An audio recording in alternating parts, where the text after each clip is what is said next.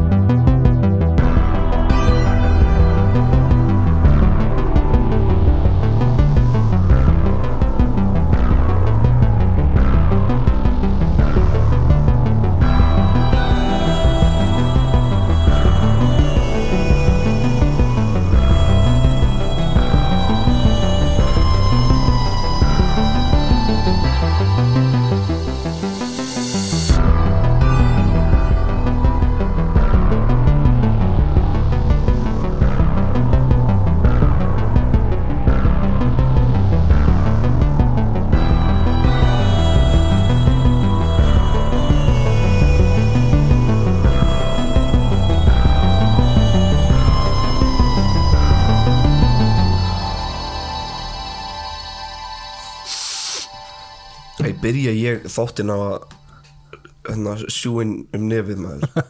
Þú komst inn í bíl hjá mig líka og varst na, ég, ég, ég var í kringum kött í gær ég er í nefinu.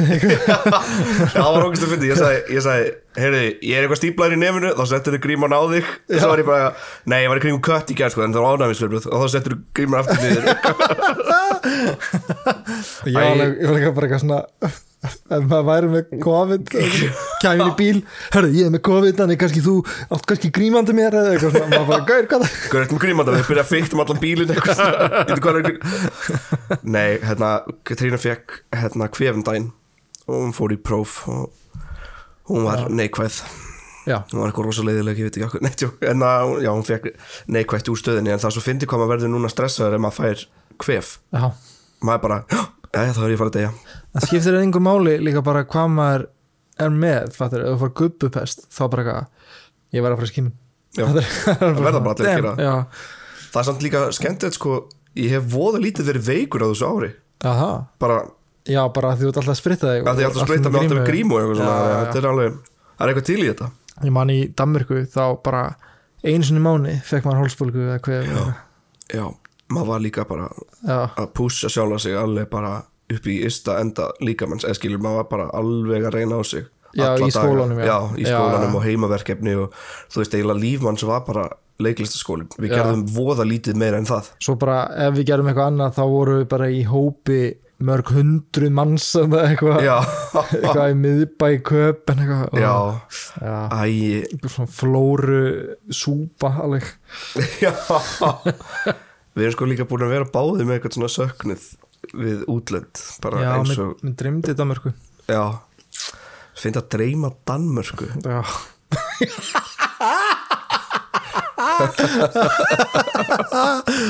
Fyndi að dreyma Danmörku. Af En- öllum stöðum. Af öllum að dreyma Danmörku.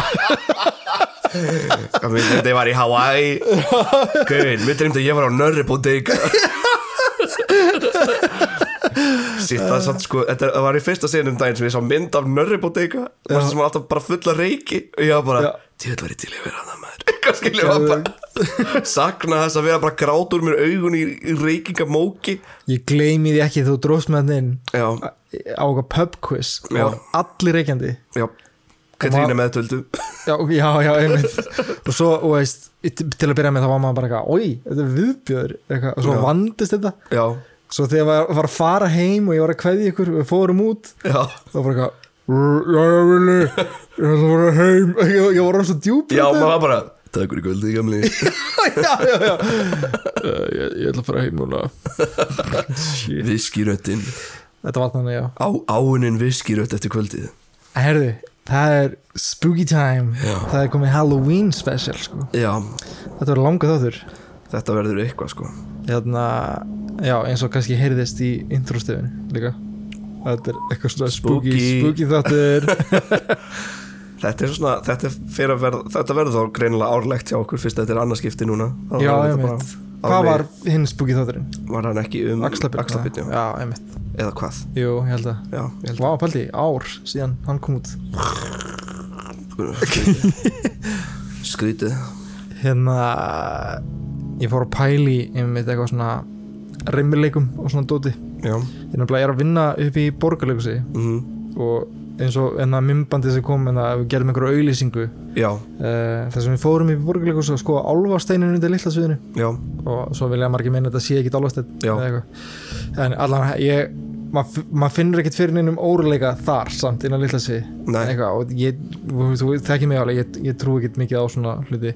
En ég var um daginn að labba þarna og ég var einn í húsinu. Ég labba í kjallara og undir stóra sviðið já, og inn í tjaldagrifi að ég er að gera dauðaleita snúrum. Það er bara, veist, það er bara svo mikið af sýningum sem eru í gangi eða sem bara hanga já, og það er bara að vera að býða eftir að fá að geta sínt þetta allt. Já, að, og svo hefur verið að æfa aðra sýningar onni í þetta og það hefur aldrei verið að, mikið, svona mikið að undirbúning. standbæ, þannig að það hefur verið að nýta öll tæki og bara alla snúrur og allt sko. Já, þannig ég er að gera döðalegt snúru. Og ég fer hérna niður í kjallara og undir stóru svið og inn í tjaldagrifina og er ekkert að spá í eitthvað svona eitthvað hvað ég, þetta sé spooky, eitthvað að vera einn í svona stóru húsi eitthvað Mhm. þannig dæmi. Og ég bara svona labbaði inn í tjaldagrifi og þá bara svona er eins og, eins og, eins og ég hefði labbað á og var svo skrítið sko. Loftið og, Já, það var eitthvað mjög weird eitthvað, og ég bara stoppaði og svo bara hellist yfir mig svona gæsað og oft fæ maður bara gæsað og hún er bara eitthvað svona "Ah", og svo fer hún. Mm, en þarna var bara eins og einhver væri bara með fötu af gæsað og væri bara svona hella yfir mig og það kemur bara endalust úr fötunni bara gæsað fór ekki. Og hún bara stegmagnaðist upp upp fyrir meira og meira og meira. Og hún er bara svona nepp og snýri við á punktunum og út bara. Vel dramatísku draugur alltaf svona by- byrja að gefa þið smá og svo reyna að stigmagnaði einhvern veginn. Nei, vá, þú meinar. Ágísla fyndið með Tjald, hvað heitir, þetta svæðið, segir Tjaldgrifjan, tjaldagrifjan. Sagði það, tjaldagrifja?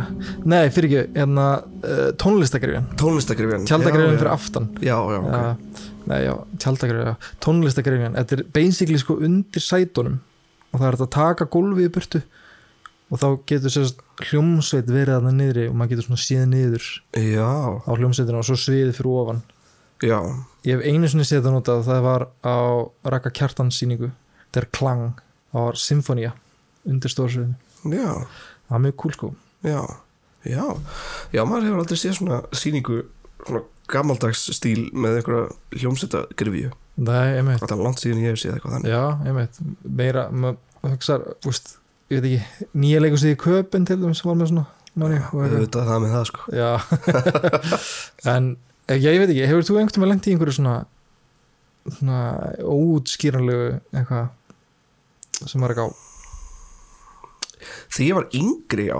Já, Þegar ég var yngri þá það er eitthvað sem maður kennir bara hausnum um eitthvað, Já, að ég er að ímynda mér. Já, já, þetta er eitthvað rauklja mér. Já, Nei, þetta var eitthvað svona Ég, ég hef upplifað eitthvað, eitthvað þannig sko En ekki, ekki sem ég er svona sérstaklega minnugt út af því ég hvort er svo skeftískur sko.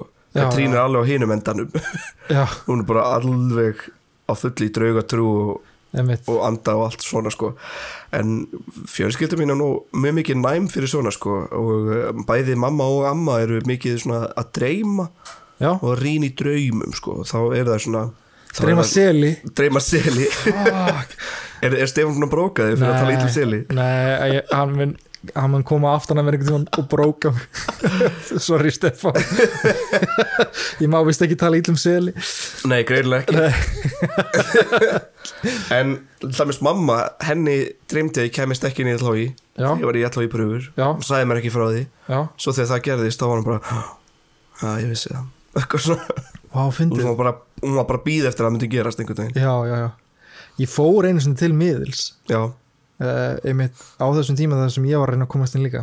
Já, og miðlum bara eitthvað ég sé að þú ert að fara í nám en það er því miður ekki hérna heima. Og ég eitthvað, what? svo var ég bara eitthvað, tjú skal ég sína þér eitthvað? Og fór í pröfn og komast svo ekki inn og, eitthvað. og svo náttúrulega bara enda mér í köpun. Og svo fyndið það er já Ég hef einu sinni farið til miðils líka. Hann er Sigga Kling. Já, já, hvernig var? Það var siggur sko. geggjað sko. Það var mjög gaman, líka út af því að Það, hún hafði smá rétt fyrir sér hann sko. Já, því hún spurði hvað var í nafnum mitt og ég sagði Vilhelm Þór Netto og hún sagði já, hvernig, hvað er svona listamannanafnið sem hún notaður yfirleitt? Og ég segi bara Vilhelm Netto bara í rauninni. Svo segir hún, þú mynd verða frægur þegar þú notar Willi Netto eitthvað. Og svo tveim ára setna þá ákveði ég að gera sketch-accountin á Instagram.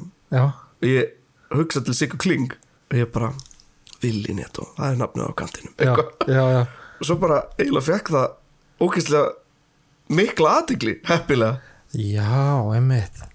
Ég bara, wow sko mér finnst ég af að kynst þér þegar þú varst komin alveg inn í þetta en þú, þú stofnar Instagram-akkontin í skólanum eða ekki? já, það var ég í skólanum. Já, að gera þess að netsketsa já, það er brjálað, Sigga, Göldrótt sikkar kvöldrótt sko. maður er búin að vera náttúrulega svo lengi að gera þessa sketsa sko, byrja náttúrulega á Vine. Fór síðan á Twitter og síðan úr því yfir á Grammið. Já, ég man ekki eftir neinu svona já, það er eitt sem ég man eftir því ég var lítill. Mm, eitthvað svona eh, tengt dreimleika þá. Já, uh, þá hérna, var ég sest, inn í herbyggi hjá mér og ég var bara farin að sofa og ég vakna svona eitthvað um miðanótt já. Og ég man í hvernig í nærbuksum ég var. Ég var í svona boxer með svona mynd á. Dollurum og nice, loaded sko. Baller. Og ég, það, já, ég fer svona út úr herbygginu og, og þú veist það er gangur og hinn með við gangin var baðherbyggið hef ég sagt þess að sögu áður? Nei. Ekki? Nei, ok. Yfir, bað, uh, yfir gangin inn á baðherbyggi og baðherbyggi var þannig að, að við dyrna gæti ég kveikt sloftljósið og ljós fyrir ofan speilin mm, nema að þegar maður lappar inn á baðherbyggi þá var klóstið beint fyrir framann svo svona til hliðar og bakvið mann var speilin og vaskurinn. Já.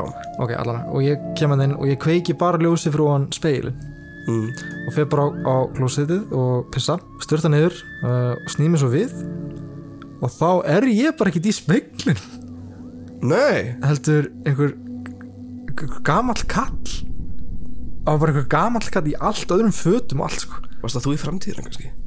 Hvað, kannski? Þeir segja, þeir segja að spekla séu séu gátt að hliðara verið leika Já, meina Já, kannski var þetta ég í framtíðinni. Já, ég þarf að hugsa betur um þetta. Já, Það var bara einhver svona frakka og eitthvað, ég veit ok, Ah, og ég- það er steikt. Já, og finna við að sko ég var ógeðslega sifjaður ég hef Mm. alltaf hugsað bara eitthvað að þetta var að því ég var svo ógeðslega sifjaður mm, en impulsin sem ég fekk var svo skrítin að ég varð ekki trættur nei, heldur fekk ég einhvern svona impuls að hlaupa að speklin og fara í svona störu já, við draugin og það skrýtna var að hann var ennþá hana þótt ég var komin alveg að speklinum og svo eftir svona 5 sekundur eða eitthvað þá svona breytist hann í mig. Og ég stóð hann bara á nærbuxum bara eitthvað, ok. Og já. Og ég bara eitthvað svona þú er mér hendunar og fór bara áttur að svo þú veist bara aftur að sofa? Já, já. Ógeðslega skemmtilegt þetta er podcast mjög skemmtilegt. Fór svo svo, já. Já. Við fara að sofa núna kannski? Já, Þannig að tökum bara lúr hérna. Ok. Við erum búin að stoppa upptöku núna þrísvar Já, Þetta er gæja sem er búin að vera að þrjá bílanda fyrir utan. Já, einmitt. Þetta er náttúrulega klift saman, ég veit ekki hvort þið tekið eftir því. Nei, Já, við erum, við erum góður að fela svona sko. góð það að fela Þetta er hefði kliftir þættir í okkur Þetta er mjög vel kliftið þættir myndi ég segja sko. Við eh, allavega tökum út alltaf svona þagnir og Já, Núna ætlum við að hleypa þessu inn en sko þegar við gerum svona Já þarna uh, þegar hann var hérna með uh, bókina. Já, ég veit, ég veit. Ég stundum stitt svona uh, Já, já ég líka. bara, Já bara tekið út, líka Já. stundum tekið út bara svona sniff og svona hljóð út að mækurinn pikkar allt upp þetta. sko. Því hlæ, ég veit ekki hvort að fólk hefur tekið eftir þessu Þá er alltaf svona hlæ ég og svona Og svona anda Eitthvað svona Undirbúa hláturinn. Já, eða svona eftir hláturinn það er svona eins og búum allt loft og ég þá svona svona náingar aftur Herði, það er annað svona skrítið sem kom fyrir mig uh, í tíundubæk og þarna var ég ekki einn þetta er svo weird saga sko. Ég Já. veit ekki hvað það var. Sko við vorum í útskvartaferð í Danmörku mm og við vorum að gista á einhverjum, einhverjum sveitabæ brallbækurinn og einn strákurinn á bæknum og einn stelpan fara eitthvað svona, eitthvað leiðist í hendur og labba eitthvað svona út í skó. Já, og þau að voru leiðast í hendur út í já, skó. já, ég veit, og þau voru ekki veist, þetta var ekki kærustu para eða Nei. eitthvað þannig við vorum alltaf bara eitthvað "Ú, hvað er að gera? Þetta eitthvað. Já, og ég og tveir aðri strákar eins miklu fáitur og við vorum. Uh, fórum og keftum vassblöður já, ég veit það. Oh my god, maður var svo óþróskar og, hérna, og við fylltum alla vassblöðunar á vatni. Og förum svo eftir henn út í skó. Mhm. og fyrir að leita þeim. Og við veitum að þau eru einhverstað bara í keleri sko, og við erum að leita þeim og eitthvað. Og allt í einu þá bara dimmir. Bara ógeðslega snögglega, bara dimmir. Já, og við sjáum ekki neitt eiginlega sko, bara það er svo dimmt. Og ég man að það var einhver bátur inn í miðum skóginum, eitthvað svona á kvolfi og eitthvað vorum þar og eitthvað svona ætlum við að fara í hingað eða eitthvað dæmi? Nei, nei, veist, þau fóru bara upp á veg og voru bara að lappa þar, löpuðu svo tilbaka en ég og þessi þrýr hérna, eða tveiri vinnum minnir vorum hann út í skógi bara og við bara, hvar eru þau? og svo allt í hennu heyrum við svona eins og svona hestahjörð að hlaupa. Já, og við bara hugsaðum það eru hestar hérna nálagt það var náttúrulega bondabær. Nema svo heyrst það aftur nema bara herra já, og svo aftur og ennþá herra og svo í fjórðaskiptið þá var þetta bara eins og þetta var komið alveg upp á það alveg upp á það og þeir voru bara svona hlaupið hring í kringum okkur þetta var, það var dimmt en við sáum samt alveg smá, já, já. Þannig að við bara eitthvað litum allir á hvern annan og svo bara mistuðu blöðurnar og við öskruðum og burtu þetta var svo skrítið þetta, að, veist ég, ég fæ gæsa það að segja frá þetta ég, ég, ég hafði ringi þessa stráka og spyrja hvort þið muni eftir þessu sko. já, já, þetta er eitt af svona hlutunum sem ég svona og við vorum bara eitthvað svona, eru strútar í Danmarku? Það, lítur að vera strútar það er eitthvað þetta eru strútar þetta er alveg já. klikkaði strútarandi í skóginum sko. passið ykkur á það Á, því lítur regl maður. já, þetta er allt ótrúlegt já, Hva, hvað þýður reymleikar? ekki að segja reymt já, Reymt? Já, það er góð spurning Upprinni orðsins reymt já Ekkert skrítið? Já, að skrýði hvað er það komið? Ég, na, já, á ég að googla það? Ég veit ekki, það fer úrlega mikið tími í það. Kanski ef einhver veit uh, uppruna orðsins reymt þá má hann uh, láta okkur vita bara á umræðagrúpinni En já Þetta er rugl, þetta er samt svo mikið rugl. Maður vil aldrei játa því einhvern meðan maður trúur og drauga. Ég held að það sé svona eins og með álfa sko. Við segjum öllum við trúum ekki á álfa en, en svo er öll eitthvað að við megum samt ekki færa á álfastein uh, ég er um þessa myndir að leikstýra frúardegi já, hjá mentaskóla Reykjavíkur ef COVID lifir Mhm. þetta, þetta er smá limbo ástand Já. sem er í sko og vonandi gengur þetta upp. En við erum með þetta að gera sýningu um dauðan já, og ég er búin að vera að pæla ógeðslega mikið í þessu og svona tilgangi lífsins og líf eftir dauða og þannig dæmi. Mhm. uh, og svo trú um að líf eftir dauða ég held, ég held að þetta hefur bara fyllt mannkyninu bara allan, veist, í langan tíma ef ekki bara frá byrjun. Þegar við bara föttum hvað dauðin væri að þetta er heimasíða mhm, sem heitir nderf.org og stendur fyrir Near Death Experience Research Foundation. Ok. Og er teknilega séð bara samansapn af reynslusum fólks um dauðan eins og fólk sem hefur þá dáið en verið lífga við. Já, og hérna það er einn sagan sem kom frá konu sem heitir Matche eða Makke, mm, hvernig myndir þú byrja þetta fram? ég veit ekki hvaðan er hún Kanada eða eitthvað, ég veit það ekki. Ég veit ekki, maður sé. Um, þegar hún var aðeins fimm ára þá viktist hún og fekk mikinn hita. Og hitin fór í rúmlega 40 gráður og hún fekk krampa. Uh, og ástandið hennar versnaði enn frekar og hún var þá flutt á sjúkrús og þegar þangað var komið uh, var hún bara við það að deyja. Mm, og þessi Matsje uh, sem nú í dag er færtug segir hún hafi farið að finna fyrir svona meiri þreitu en um leið miklum frið sérst Mm. þegar hún var hana við að deyja. Eins og sársökin var að minka segir hún. Uh, þegar líf hennar var að fjara út sáðum læktunum sem voru hjá henni ástand móðurinnar að henni var að fara að líða miklu betur. En hún segir að þá hafi hún fundist hún vera hafin yfir tíma og rúm mm, eins og hún væri hluti af alheiminum. Já, bara eins og að vera í fjórðu vítina. Já, eitthvað þannig. Já, og hún segir það kom djúft bergmál í hljóðin í herberginu mér langaði að loka augunum svo ég gerði það. Ég var stolt. Ég opnaði augun til að kíkja og sá þá sjálfa mig. Ég var ekki uppnámi og eða hrætt en ég var örlítið ringluð. Ég vissi að ég var ekki með líkama. Mér leiðum sem ég var hluti af öllu og öllum. Ég flaut bara upp og sá önnur herbergi. Síðan gæti ég sagt nákvæmlega frá samtölum sem ég gat ekki hafa vitað um. Ég sveif um sjúkrósin og hjælt áfram að hækka flugið. Ég fór að ferðast í gegnum tíman. Ég sá atbyrði úr stuttu lífi mínu. Ég gæti síðan sagt nákvæmlega frá atbyrðum sem gerðust áður en ég lærði að tala. Þetta voru atbyrði sem ég átti ekki að geta munað en ég gerði það og það í smáatröðum. Um leið og ég hækkaði flugið fann ég til friðar. Það voru engar spurningar eða óvissa. Tíminn vafðist um sjálfan sig. Það var engin fortíð, nútíð eða framtíð eins og við þekkjum. Allt gerðist núna og samtímis. Mér fannst ég saminuð eða hluti af heiminum. Ég vissi allt um alheimin. Já, Því næst byrjaði hann að reka í átt að fallegu ljósi sem hún vildi snerta en síðan fann hún fyrir smá kvelli og var dregin tilbaka á sjúkrósið. Þetta tók örskot stund að hennar sögn þegar hún vaknaði á sjúkrósinu sögðu læknar henni að hún hefði andast tæknilega séð. já Hún hefði bara dáið í smá stund. Er þú dóst tæknilega séð? Já, En verður uh, aftur tæknilega séð, samkvæmt mínum útrýningum, dóstu. Já, Og tæknilega séð þá upplýðið þú fjórðuvítina já. en ég meina, þú veist, velkomin tilbaka. Mér finnst það svo skrítin pæling sko með, með fjórðuvítina að geta ekki skinja það því að þú veist 2D manneskja sér bara í á tvo vegu skilur við skinnum heiminn í þrívít Já, en svo er fjórðavítin sem skinnja líka tíman bara fram og tilbaka og til hliðar skilur já, já, já, einmitt. og ég bara næ ekki hausin utan um fjórðavítin en ég er búin að lesa það alveg nokkur sinnum ég bara það væri það. ótrúlegt að upplifa það Það er til mynd uh, í þrývít af fjórðuvítinni og það er, það er líka bara eitthvað What? What? Hvað er að gerast? Eitthvað, já, já, já, Ástu, það er eiginlega ekki taknar að sé hægt fyrir manneski sem lifi bara í þrývítum heimi að hugsa í, í veginn. það var náttúrulega bara ótrúlega mikið sko. Þetta- að upplifa þetta já, þetta hljómar daldið þannig sko. Var ekki einhver í MH sem dó og var lífkað við? Var það ekki?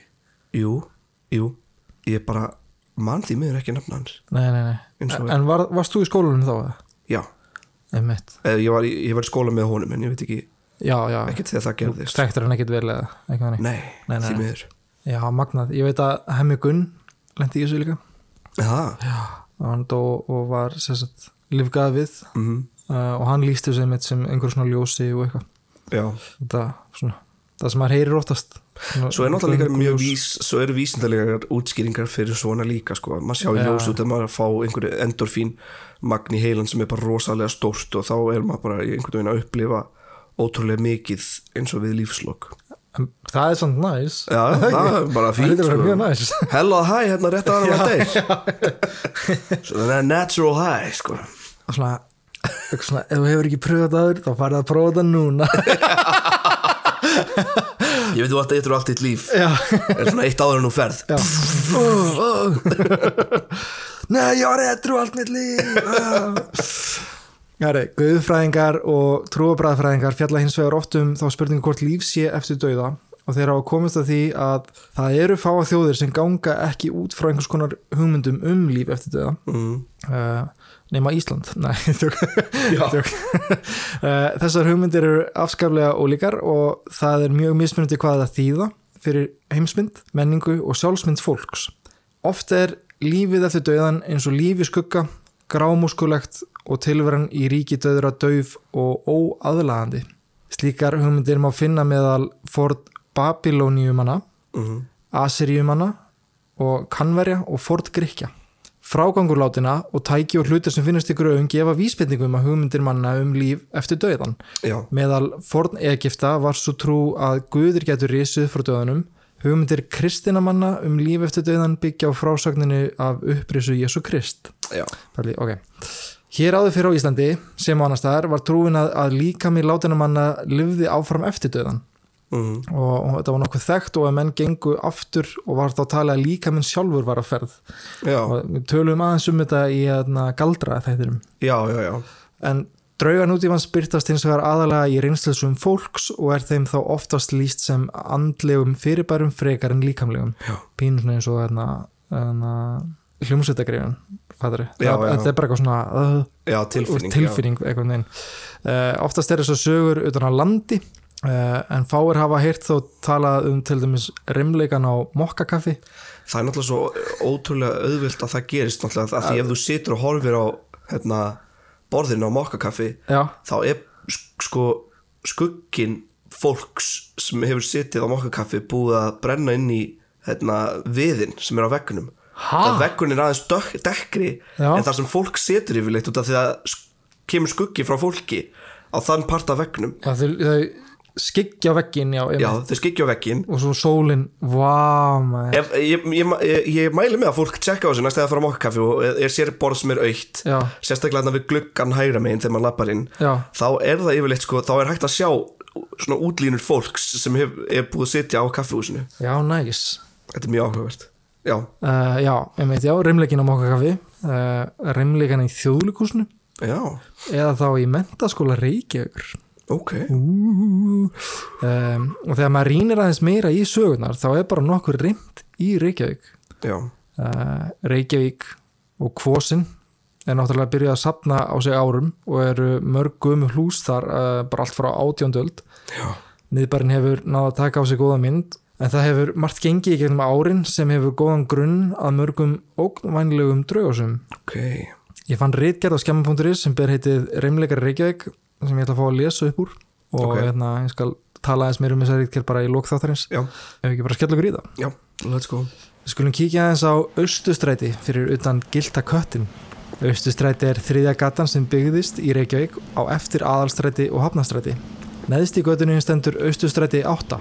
Fjölbreytt starfsemi hefur verið í húsinu í gegnum tíðina en það var klæðskeri að nafni Clement Lind Thoroddsen sem fyrst let reysa húsið árið 1825. Hann var í einhver tíman með starfsemi sína í byggingunni og var það til þess að húsi gekk lengi undir nafninu Skrattarhúsið. mm. Húsið skipti örtum eigundur og var eitt þeirra þíski skósmiðurinn Jóhann Jörgen Billenberg. Hann var jafnan kallar Billenberg skóari og bjó í Östustræti ásand fjölskyldur sinni í kringum miðja 19. öld. Skóarinn var þekktu fyrir ílt innræti og var samkomulag Jóhanns við uh, konu sína Lóvísu það slæmt að menn vissu að hann beitti hana ofbeldi.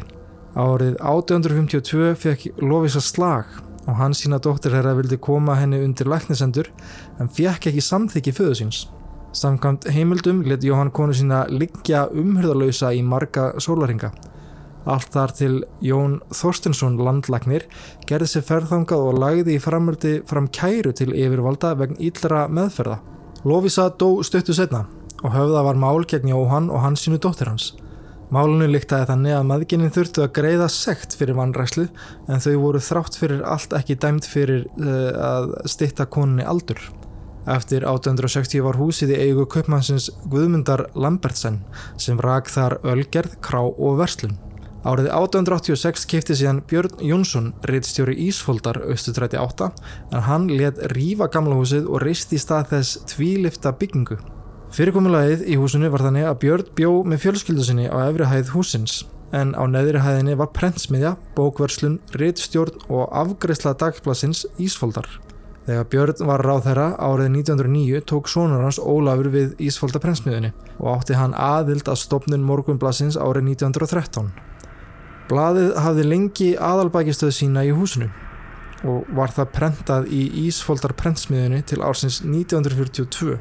En nú býr engin í húsinu en meðal þeirra sem þar eru með rekstur eru Sjalimar, veitingastæðurinn, já, já, já, Þorvaldsen húsið og fataverslunin Gildi Kötturinn.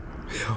Margar sögur hafa farið af reymlegum í Östræti áttaði gegnum árin og bæði eigundur og gestir húsins hafa orðið var við draugaganglar og kannski einhverju sem kannast við stelpuna í stígunum.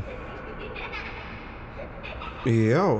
En virðist eitthvað á kreiki í húsinu því eigundur gilda kattarins hafa séð dölufullar stúlku byrtast í stiga verslunarinnar og virðist hún nokkuð hrekkjótt. Hafdís Þorlósdóttir, annar eigandi verslunarinnar, sagði í viðtali árið 2009 hafa orðið vitni af margvíslegum atvökum í verslun sinni. já, Þetta er sérst hennar frásögn. já. Hér er reynd og hér er stúlka á ferð sem er þarna voðalega mikið nýri kjallaran og hún er svolítið stríðin og ég, ég tel hann að vera unga en ég, ég er ekki alveg viss hvað hún kemur. Stuttu eftir að ég leiði fyrir rúmu þremur árum þá fór ég að vera svolítið mikið ein hérna á kvöldin og þá fór ég að finna fyrir henni bæði sem sagt fór ég að finna nervurunar og svona einstakasinnum sá ég hann að bregða fyrir já. Hún reynir svolítið að flækjast fyrir mér. Hún reynir svona að hafa samband við mig með því að fela hluti og já, ég, ég týni voða mikið hlutum þegar ég er hérna einn en, en svo hefur annar miðill sagt mér að henni finnist ég hafa allt í órið hérna niðri. Henni finnst ég eiga skipulegja mig betur veri ekki alltaf að hlaða fötum niður í eitt hortinu og gleyma því að ganga frá en það eru góðu ströymar frá henni. Svo var ég að deila þessu með systur minni hérna einu sinni fyrir svona rúmu ári síðan sem hefur ekki mikla trú hún held á köku í handinni og hún var eitthvað að segja að þetta væri nú ekkert þetta væri bara einhver ímyndun í mér sagði hún og, og það var bara eins og hendi væri veifað og kakan flaug úr hendin á henni. Hún mista hann ekki heldur var hún slegin úr hendin á henni. Já, og þá er ég vissum að mín stúlka hafi verið að gefa smá skilabóð um að hún væri hérna til staðar. Var hún ekki sátt við það að það væri ekki verið að trúa því sem við vorum að tala um? Hún er tíu ára eða yngri. Mér finnst svona suðrænt yfirbræð yfir henni hún er með svart sítt hár og hún er mjög langt aftur í tíman því klæðurinn á henni bendið til þess og ég er svona ímynda mér það að hún sé ekki hérðan að hún hafi komið með einhverju uppáhaldsflík sinni eða einhver staðar sem hún hafi mér finnst eins, og einhvern veginn eins og hún hafi komið með einhverju sendingu að utan. Já, en það þarf ekki að vera, það, það getur verið að hún sé búin að vera hérna lengi og hún er með svart dögt sítt hár og er í svona hálgerum flókaskum og í svona kjól sem er brúnleitur og er svona eins og blúnkrægi í hálsin það er voða vítt pilsi sem hún er í. Það er eins og hún sé frá svona 1940 ég byrði aldrei um að fá að vita af henni. Hún leitar alltaf til mín og ég finn mest fyrir því þegar ég er einn já. Í morgunblæðinu í júni árið 2008 rætti Kristín Heiða Kristinsdóttir við Hauk Inga sem er hinn eigandinn og eigimaður Hafdísar. Ok, Hann segir Það byrjaði þannig að við urðum vör við ímislegt smálegt fór að hverfa hér niður á lager. Ofta eitthvað sem við eh, starfsfólkið áttum eða vorum að nota. Eins og til dæmis splungunýr farsími konuna minnar einn daginn var hún vör við stelpu og sveimikir hún var ekki þessa heims. Síðan þá höfum við litið svo á að hún sé að stríða okkur þessi stelpa með því að láta hluti hverfa Skúli Lorenz, frendi minn og Miðl kom í heimsókn hinga til okkar í búðina og við vorum ekkert að segja honum frá því sem Hafdís hafði orðið vörfið en við fórum að Miðlsund með honum um kvöldi og þá sagðist hann hafa sé stúlku í stíðunum hérna í búðinni. Hann sagði hann að vera um 10 ára og hann tók það fram að hún væri ekki íslensk. Hann sagði að henni liði vel hérna og hún vildi fá að vera hér áfram. ok Eftir heimsókn með þessi búðinni urðu margar starfstúlkunar skelkaðar og að sögn Ásu Ottesen verslunastjóra voru þær til, í, til að byrja með skítrættar við að fara eina á lagar. Haukur Ingi segir að það hafi þó breyst eftir stuttan tíma. En fljótlega komust allir að því að þessi ótti var alveg ástæðulegs og því að þetta stelpuskott er besta skinn og minnlaus þó hún sé svolítið prakkari í sér. Henni er velkomið að fykta hér í öllu og vera með okkur, segir Haukur Ingi og bætir við að daginn eftir miðilsundin hafi stelpan í stegunum mynd rækilega á tilvist sína. Þá stóð tjald sem hangir fyrir hurðópinu sem skilur að verslununa og lagarinn beint fram nánast um 90 gráður eins og það kemi ósýnilegt rók eða kraftur innanfrá sem svifti því svona upp. Þetta varði í nokkra daga og hefur aldrei gerst hvorki fyrni síðar og okkur þótti þetta stór undarlegt. Hvað stelp ætti þetta að sé? Nákvæmlega, ef að prófa að fara aftur í tíman. Já, Það er þó ekkit nýtt að þeir sem dvalið hafa austurrætti átt að hafi orðið var við duðlafulla atbyrði í húsinu. Þegar áður nefnda Ísafóldaprensmiðan var, mm. eh, sem Björn stofnaði, urðu til dæmis margir vari við umgang sem erfitt var að fá botni í. Eitt þeirra atvika hendi Guðmund Þorláksson sem var eitt þeirra sem vann fyrir Björn. Guðmundur Þorláksson var nokkra vetur á vegum Ísafóldaprensmiðunar og var hann einu sinni sendur að kvöldi til til þess að smegja einhverju inn í prensmiðuna um hleypiloku Mm. sem er svona held ég eins og Post, já, svona eins og brjálúa já uh, og hann hvaðan að vera milli hennar og annars herbyrgis mm. ok, þá er Guðmundur lagði það sem hann hafði handa á milli innum lokugatið kom á mótunum stór og loðin hönd. Hann var hrættur hljópin aftur og sagði frá því er fyrir hann hafið borið. Hann var spurði hvernig honum hefði virst höndin og hann skýrði hana frá því kom þá upp úr kafinu að hann lísti hendinni alveg eins og höndin hafi verið á vinnukonu sem hafi dáið þar í húsinu um veturum Með loðna hönd? Með loðna hönd, já. Ok, Morgunblæði kom fyrst út árið 1913 og var uppásmaður þess Vilhjálmur Finnsen. Blaðmaður Árni Óla var eitt þeirra sem hóf störfi Morgunblæðið árið sem það kom út og starfaði þar meira og minna alla sína æfi. Árið 1925 var aðstæðablaðsins færð í viðbygginguna austan undir húsinu þar sem áður var vélarsalur prentsmiðunar. Var það bæði þröngt og lít viðunandi. Inn í þessari viðbyggingu var stíi sem lág upp á pall sem hefði einnig það hlutverk að vera kjallarahurð. Stíin var á hjörum öðrum megin þannig hægt var að reysa hann upp í veggin og þá opnaðist gangu niður í kjallarahúsins. Hægt var að krækja stíganum upp í veggin svo dyrnar að kjallarunum heldust opnar. Þetta gæti verið hættulegt í myrkri ef glimtist að skella stíganum aftur en oft gerðist það að menn duttu þá fram á pallunum og ofan í kjallaran. Þrátt fyrir þetta urðu aldrei alvarleg slís á mönnum og segir sagan að það hafi verið að þakka verndarvætt sem hefði bólföst í húsinu og tæki fallið af mönnum. Það var þó líka eitthvað illt að ferð í byggingunni og má lesa frásögn árna á fyrirbærunum í grein sem byrtist í morgunblæðinu árið 1988. Um þennan stiga þurftu við að fara ótal ferður á dag milli skrifstofu og setjarasalar. Ég veit ekki hvað er. Og ef menn voru að flýta sér var stundum eins og kift væri í fætunar þeirra í stegunum og var þó lán ef menn fjall ekki. Ég var nokkru sinnum var við þetta og þótti undarlegt en mér var sagt af kunnugum að eitthvað óhreint væri undir stegunum. Mér fannst rétt að reyna að ganga úr skugga um hvort svo væri og einu sinni fekk ég skegna konu til þess að aðtuga þetta. Henni brá er hún leit undir stegan og sagði að þar nýbraði sig einhver hörmuleg vesæl vera varla í mannsmynd og svo ógeðsleg að henni væri ekki hægt að lýsa. Já, Hún hefði þar sér til gamans að dægra styttinga að skirpa milli stigarimana í fætur manna og við það drægi mátt úr þeim. ekki, já. ekki hvaðs konan geta sagt hvers konar uh, vera þetta væri en henni myndi líða mjög illa og væri góðverk að byggja fyrir henni. Býst ég við að konan hafi gert það því eftir þetta var einskis var í stegunum. Sumir sögðu að þessi vera myndi hafa verið í gamla skrattarhúsinu og ekki hreift sig þótt það hús væri rifið og annar reist á lóðinni.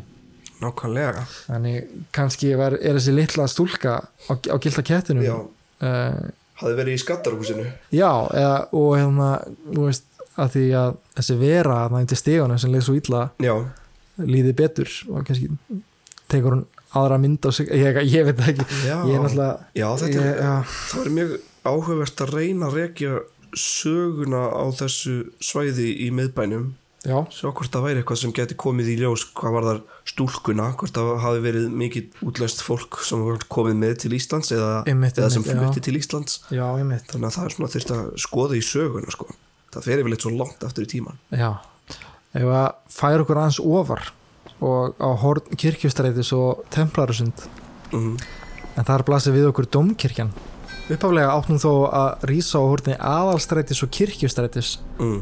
en þar stóð fyrir uh, undan sagt, víkukirkja og hafði verið sóknarkirkja reykjunginga í margar aldir Mm. uh, á sama stað stóð kirkjugarðurinn uh, víkurgarður og þar voru reykingar jarðaðir í rúm 800 ár þetta er það sem fógetagarðurinn er í dag fyrir utan skúlabar já, sem skúli er. Já, nákvæmlega. Það er nú eitthvað nokkri grafreitir þarna já, einmitt. sem hægt er að sjá sem er verið að fara mjög illa með á þessum, þessari stundu út af því að það er eitthvað hótel það verið að byggja einhverja byggingu þannig þannig að það er búið að setja alveg inn á Ah, milli. vona að vera reynd í þessu hóteli sko. það verður pottið dreymt í þessu hóteli. Já. ég meina þetta er, þetta er þú ert að byggja ofan á grafi. Þetta byggja ofur á gröð eða ekki mun að segja túristan það kannski? Sælir ert að fara að vera hann á stað sem er er að byggja ofan á gröfum en pæliði líka bara næst þegar þið á- þú veist, fyrir utan skúla og er að fá ykkur uh, drikk eða eitthvað. Að þið setjið ofan á grafreitum og þið getið líka farið bara í blómabiðin og það eru leggsteinar í blómabiðunum. Það eru legstinir í Já, þetta er sem, eru, sem eru af prestum held ég sem hafa hafið þá á þessum tíma unnið fyrir Víkurkirkju. Já, minnir mig, einmitt. Ég er og ekki við viss. séð hvar enna kapillan stóð líka. Já, það er minnisvarið þar. Já, svo líka náttúrulega þarna landnámsafnið. Já, já, með vikinga, þú veist, svona húsin hann undir. Einmitt. Þannig að það eru einmitt þetta verið neðan, já, já, já, já, já, einmitt. það er, það er uh, nóga plossi fyrir draugar sko.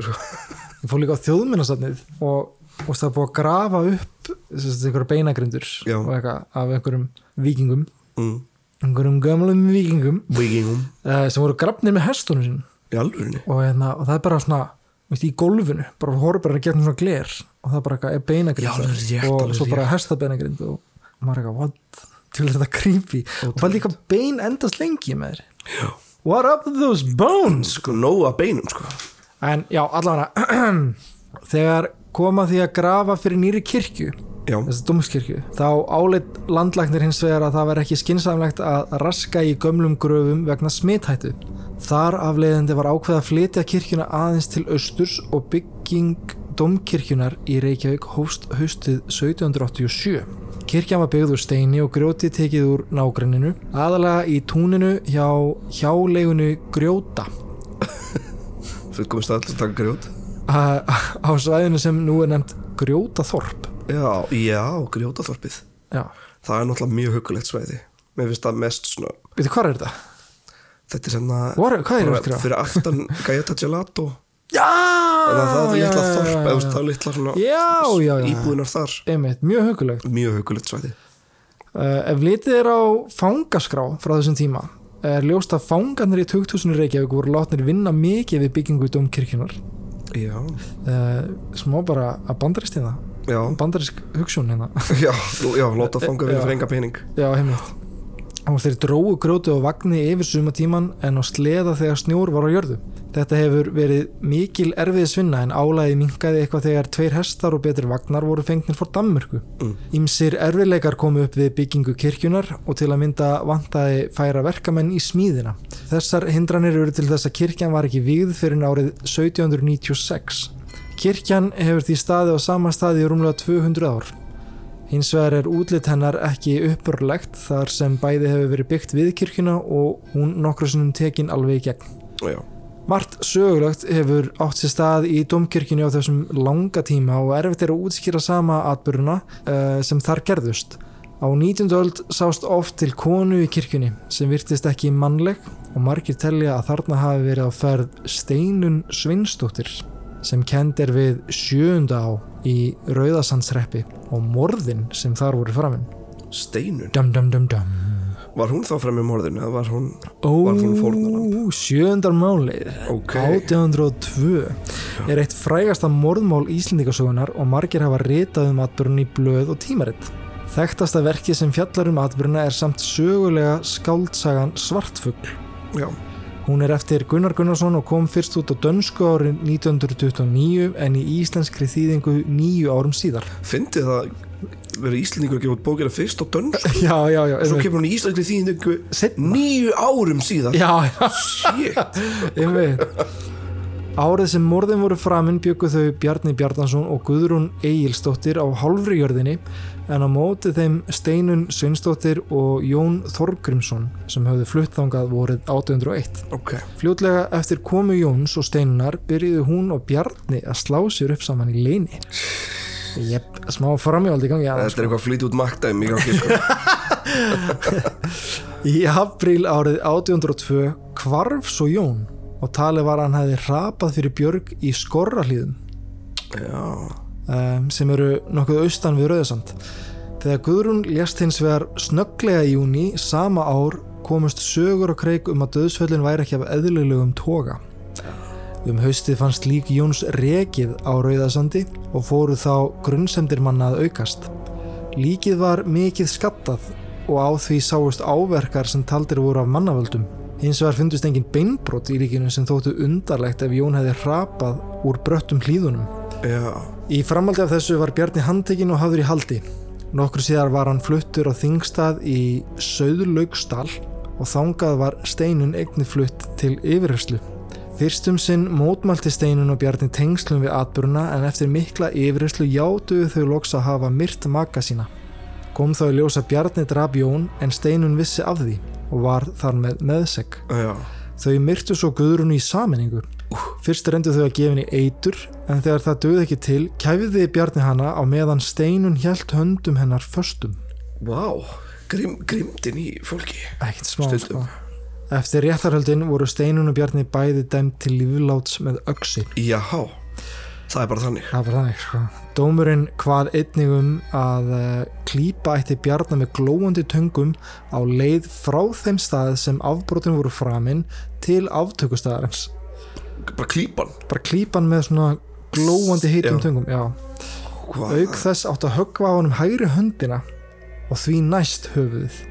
loks, Þetta er rosa biblíuleg eða svona, Já, já, svona-. Eitthvað biblíulegt dæmi eða svona Þessi dómari var alveg full on bara pinta Pinta bara bara, já loks átti að koma útlimum fyrir og stjaka yfir dísinni á aftökustann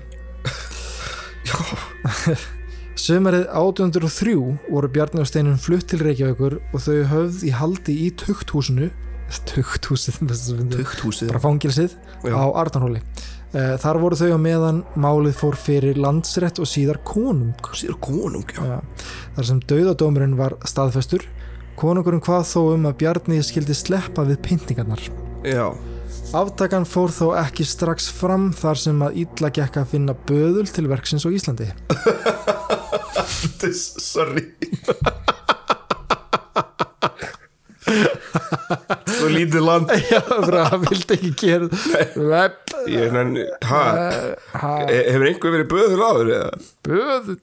Sko, síðasti böður Ég þarf að ná í kýrnar ég... Sko, síðasti böður sem ég var, þá var hann að Magnús, sko, en hann er löngu verið Danmörkur, sko. Já, það vinnur sem böðul í Danmörkunum. Já, þessi böðull í Danmörku, hann var svo góður. Hann með, með, með, með þeim bestu, sko, sem ég hefði séð. Fyndið að við skuli segja það að því það var Rasmus Frudensberg sem var fyrsti bæjarfókitinn í Reykjavík sem hafði umsjón með aftökunni. Á þessum tíma var maður namnið Þorlefur Andrésson böðull Norðlendinga. en Frudensberg næstur upp á sviði er Þorleifur Andersson böðull norðendinga gefur hún gott hlað En þessi hérna, Frutansberg treyst honum ekki í verkið og vegna þess eh, hver gamall og lasburða hann var orðin. Þetta var bara hvað Við mistum alltaf bestu böðluna til Danmörkur og vorum bara eftir með einhverja gamla kalla sem voru bara hálf blindir en að hann hefði örgulega bara pynta honum óvart að hann hefði hitt, ekki hitt hausinn sko. Já, einmitt. Ekki geta lift öksunni.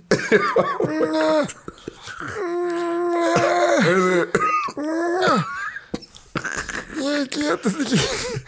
Frudensberg bara God damn it. Dúkareik, Dúkareik en ég get það nei, það kan du ikke nei, det kan du ikke, du, du må ikke bæjarfókitinn Frutansberg uh, hóf því leit að hæfum aðila í starfið og sannförðulegs skósmiðin Hans Vingard Ritzdal um að taka af sér aftökuna. Fyrir eitthvað skósmiður. hver bara, hver er svona, heyrðu, ert þú til í að drepa hana mann? Mm, ég er ekki alveg enn af því. Svo come on, gerum nú smá greiða við erum, við erum báður enn það gæti verið góð, gott publicity fyrir þig. Já, ok, og þína skósmiðin. Já, ég ger það. Ah, ok. ég ger það. Uh, það var alls ekki þannig því að almenningur Reykjavík frétt af höfðulstarfinu fylgtist það hins vegar viðbjóði á verkinu sem skósmiðurinn hugðist taka að sér. Já, og hunsaði hann algjörlega. Auðvitað. Þetta leiti til þess tveimundum síðar mætti Ritzdal aftur til fókins og neitaði verkinu á þeim forsöndum að afkoman hans sem skósmiðs væri í veði. nákvæmlega Frutinsberg hjælti áfram leitinni án árangurs. Ekki, já, ekki gæti hann gert þetta sjálfur ha? já, ég, nei, nei, nei, hann þurfti að finna einhvern annan til að gera skítaverki sko. ekki batnaði ástandi síðan yfir yfirvöld þegar Bjarnar tókst að strjúka úr fangilsu og náðist ekki fyrir tveimur vikum síðar þegar hann var hansamæður í borgarferði. Þeir sem höfðu umsjón með aftökunni ákvöðu því að leita nýra úrraða og sóttu um náðun fyrir Bjarnar og steininni. náðun út af því þið bara fund ekki Ha? náðun er það ekki bara að að það retta þeim frá dauða eða? Jú, er það ekki? Jú, Jú, þeir, ég skildi þannig. Já, já, að því, að því þeir fund ekki aftökumann. Já, já, já, einmitt, einmitt, já. Já, ok, le leiðum við að vera á lífið. Ég nænir þess ekki lengur. Uh, Ef svo kostu gengi ekki eftir vildu þeir fá böðul sendan til landsins frá Danmörku. Þar með var málinu fresta til ársins 1805 en síðla sömars þar bárust fyrirmæli frá köpmanöfn um að senda skildi Bjarnarsteinin til Norex þar sem taka ætti þau af lífi. Pældi að, að vera bara á death row svona lengi? Já, ég minn einasti. Það var nefnilega hins vegar lítið um ferðið þangað til Norex Já, um sömarið og áður en koma flutningum nefnilega þá lést steinun í fangavistinni þann 31. ágúst.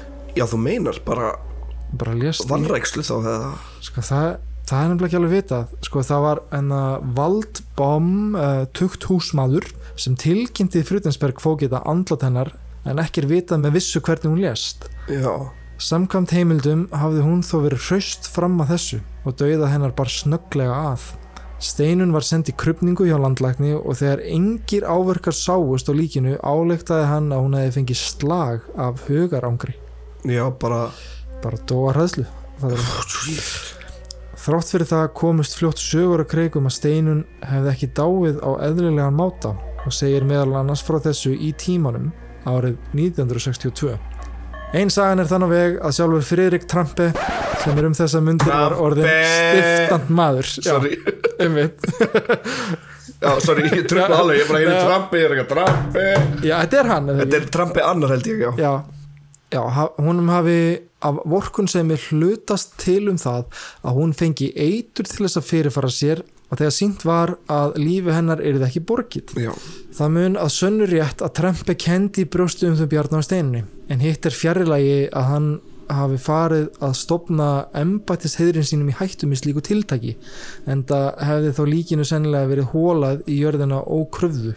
Önnur saga hermir að steinun hafi verið þunguð eftir fangavörðin bara Orange is the New Black dæmi, sko.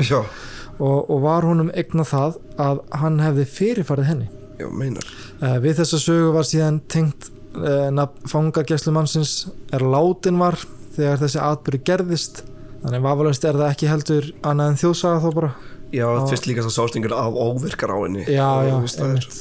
uh, já, nokkulega það hefur þó þótt best við hæfi í frásögninni að endalók steinunar væru sem sögulegust Mm. í þriðalagi komst þá kreik að steinun hefði drepið höfði við veggin í hætningarhúsinu og rótað sig með þeim hætti. Hún hefði bara Hausinn, hausinn í veggin bara. Nei, en aftur, engir áverkar Samkvæmt en landlæk engir á okkur, já.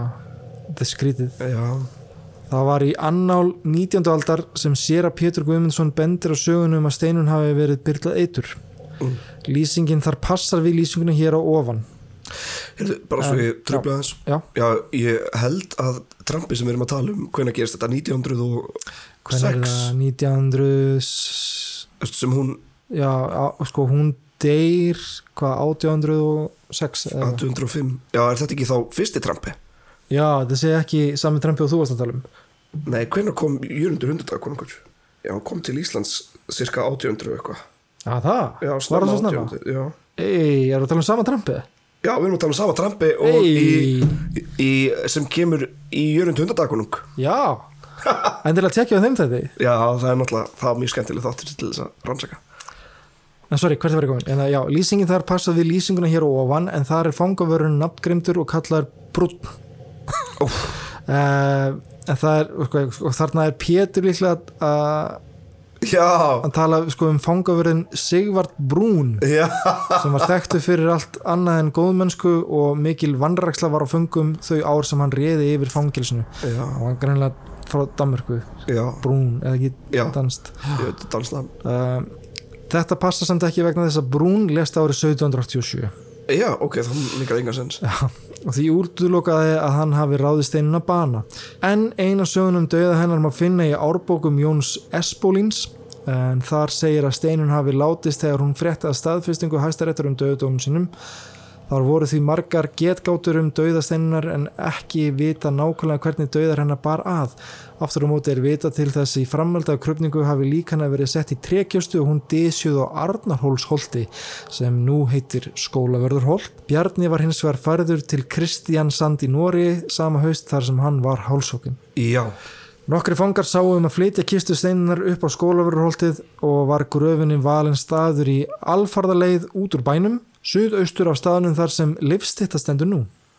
þannig hún er þannig er hún, er þannig grafin einhver staðar Nei, nei, Nei.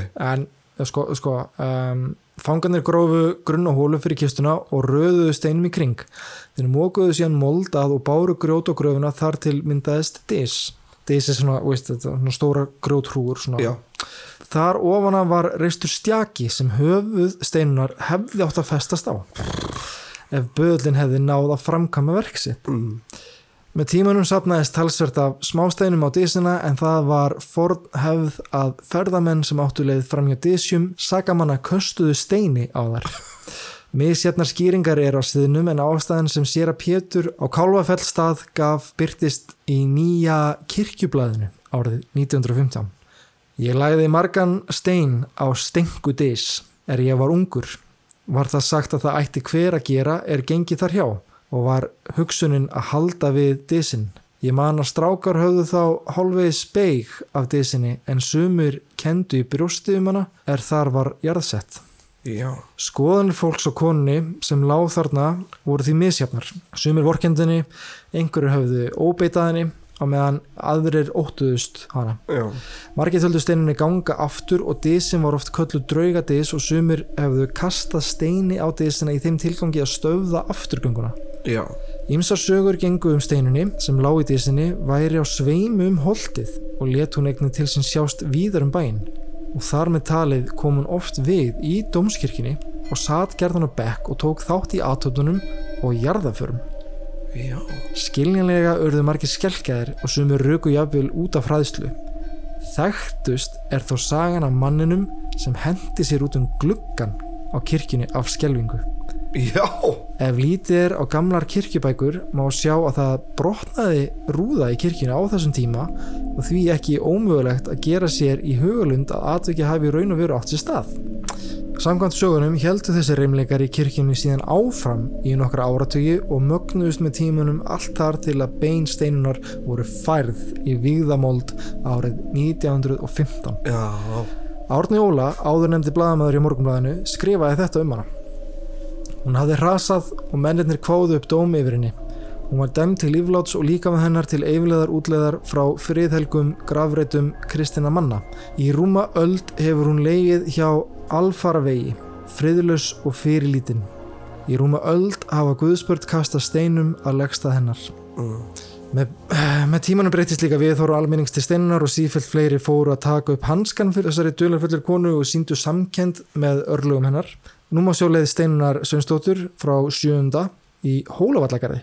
Þar sem Manstu, við tókum göngutúrana og hérna, sáum gröf fyrsta morðingja Reykjavíkur Já. manstu, já, sami en þar fekk hún en að loksins mertan reyt uh, og þegar einn af afkomundu steinunar sendi framkvæmdastjórn kirkjugarðar í Reykjavíku prófastadæmi bref árið 2011 uh, þar sem hann fór fram á að leifa uh, fá leifi til að setja leggstein á leiðinar og þegar hann gekk svo fram hjá sumur 2012 var einhver búinn að leggja blóm á moldina. Já, og það er þá líklega til merkisum að eftir öll þessi ár hugsar einhver hlýtt til steinunar Alla, allavega, við skulum uh, ganga aðeins lengra og að lækjargötu.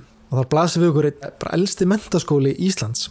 En það er mentaskóli Reykjavíkur. Mm, uh, hann hefur verið staðsettur þarna síðan 1846 en á rætu sína Reykja alveg til ársins 1056 1056 Fyrst sem sko skálholtskóli það var frá 1056 til 1784 bara, svo, já, bara, bara svona lengi bara einmitt 700 ár um, og svo var hann fluttuð til Reykjavíkur og hétt þá uh, Hólavallaskóli 1786 til 1805 næst var hann fluttur á Bessastæði og þá hétt hann bara því einfalda nafni Bessastæðaskóli 1805 til 1846 bara vera að flytja uh, húsið nei, starfs, starfsemina bara. Já. já, já. Vá, sorry, ég var bara að hugsa svo að það væri bara að vera bara.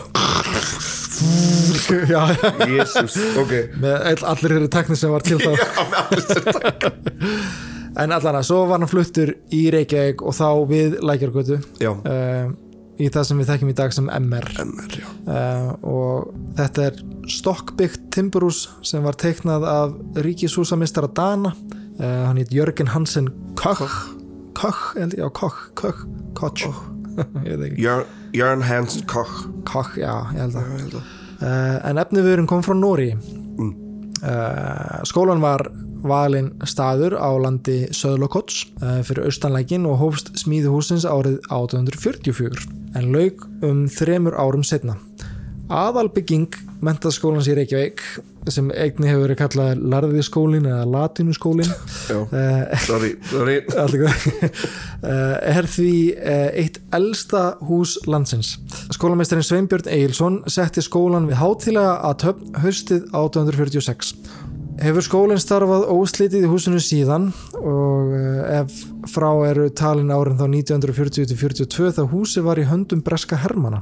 Já, Alþingi starfaði einnig í húsinu á sumrin frá árinu 1845 uns Alþingihúsið var reist við Austuvöll árið 1881 en svo starfsemi hefur eh, hafði engin áhrif á skólahald. Er þá með þessu fundi lokið? Nei, hann á, hann á ekki að enda núna. Jú, það er tími sem kemur yngi á eftir starffræði Þannig að við þurfum að fyrir um herbergi. Það er latinu í tími við þurfum að stoppa hérna. Eitthvað eitthvað að vera plana eitthvað brálaslega mikilvægt. Við þurfum að stoppa hennar ræðuhald. Það er tíma að byrja. Heilbrið starfsemi í Íslands og stoppa það er latinu tími. Nei, nei. Uh, frá því að að skólaald hófst í MR og fram yfir aldamóti 1900 eru skólapildar ofta ferðast langar leiðir að heiman til þess að sækja námið. Þessi ferðalög þeirra til skóla og aftur heim voru kölluð skólapiltaferðir og má sjá lýsingarferðum í endurminningum stúdenda frá þessum tíma. Samkvæmt séra Sigurbyrni á Gíslasinni áttu flestir skólapirtar langan veg að sækja og ferðust jafnan einir á hessbaki svo dögum skiptir. Vá, Vegna þess hver margi nefndur komið langt að var starfsrækt uh, heimavist í skólanum til fjölda ára og höfðu flestir skólapiltana við á svo kallu langa lofti sem var á annari hæð skólans. ok Uh, samkvæmt Ingúli Gíslasinni lækni voru þar einna helst fátækistrákar utan á landi uh, sem sóttu um þessi hlunindi og voru þeir nefndur sem dvöld og loftinu kallaðir heimasveinar. Íma sveinar Samkvæmt lýsingu þeirra sem dvöld á loftinu var heimavistin viss heimur út af fyrir sig og ekki alltaf dans á rósun. Ok. Til að mynda var mikið plásleysi á langlofti en það byggu tvær fjölskyldur í húsinu ásand heimasveinum. Ha, Já. ha, ok samt sem aður átti að var ætlað 30 piltum úr neðstu bekkum skólans og ég held að þetta hafi verið 6 bekkir er ekki, það er allan að vera að tala um sko að, busabekkurinn er fjórðu bekkur Já, svo kemur 50 og svo sjöttu bekkur. Já, í staðan fyrir bara fyrsti, annar og þriði já Ég skil þetta ekki. Ég skildi ekki alveg. Ég held Skil að það ekki dömur maður. Ég var í MH sko. Ég var í FFA Akranesi. Ok, það er, það er bara nert sko. Já. Daglegt líf þeirra sem dvöldu á loftinu var oft erfitt á köflum og til að mynda var ekkert mötunnitir ekki í skólanum. Sumir drengjana þurftu jafnvel að lifa allan veturinn á því nesti sem við tókum með sér að heiman. Margar fjölskyldur í bænum höfðu þó tekjur af því að selja piltunum fæði eða matreiða fyrir þá vistir sem þeir fengu sendara heiman. Strangur ægi ríkti líka hjá heimasvönnum og eftir bruturreglur hlutu þeir svo kallaða nótur. Þótt ægin væri mikill fundu þeir sér samt sem áður margt til skemmtunar og tóku til dæmis í spil, fóru með ljóð eða sögðu sögur. Heimasveinir urðu stundum vari við skrítin hljóð og aðra undarlega atbyrði þegar þeir gistu í skólanum og þess vegna komu upp getgátur um rimleika í húsinu. Já, Draugangurinn var aðalega tengdur við langaloftið og háaloftið þar fyrir ofan, þar sem spítali skólans var staðsettur forðum daga. Já Ein saga um reymleika á efri hæðum húsins byrtist í morgunblæðinu þann 1. februar árið 1966 og það er sagt frá reynslu nokkura einstaklinga sem lágu á spítalunum. Samkvæmt heimildum er sagan upprunalega höfð eftir skólapiltunum á árunum 1877 til 1882. Ekki er vita nánar um heimildarmannin en frásögnin segir af sorglegum atbyrðum sem áttu sér stað á háalofti skólans. Ok, Svo er sagt að maður hafi hengt sig upp á háalofti í mentaskólanum í Reykjavík og á að vera það reymt síðan. Að vísu hafa skólapiltar sjálfur stundum leiki draug þar upp á loftinu þó það hafi ekki orðið uppvíst og hefur það orðið til þess að auka trúnað á það að eitthvað óhreint væri þar á slóðum.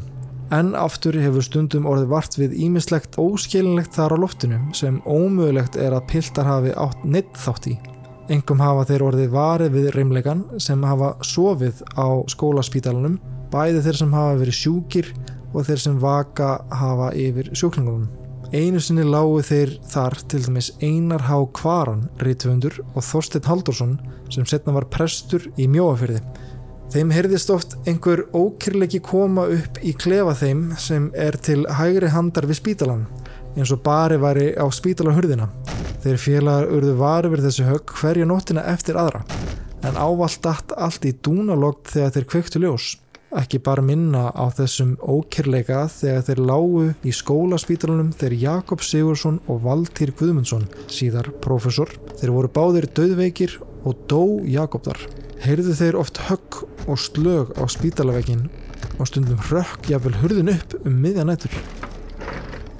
Aðrir skólapiltar sváfu hjá þeim til að hagraða þeim ef þeir þyrftu að halda og eru þeir líka varið við reymlegan en ekkert fannst ef að var gáð. ok Þó svo að heimasennir hafi stundum eh, rekt hvort annan fundust ekki skýringar þessum óhljóðum og höggunum sem menn urðu varið við á háloftum skólans. Eirikur Haraldsson fyrir kennari í mentaskólanum kann ímsa sögur þaðan og þar að meðal af sorglugum atbyrðu sem áttu sér stað á loftinu. Eirikur er fættur í Reykjavík árið 1931 og var viðriðin skólan í meirinn 50 ár. Ó, Hann gekk sjálfur í mentaskóla Reykjavíkur og eftir hann, að hann lauk námi kendi hann við skólan um árabil, fyrst leikvimi en svo þýsku lengst af. Hann segir Í gamla daga voru íbúður rektors og heimavist nefnda á miðhæðinni. Upp á háloftinu er síðan herbyggi sem snýr frá sjónum í suðurátt út af íþökum sem er bókasafn mentaskólans. Þetta herbyggi er undir súð og núna er þar skristofa rektors.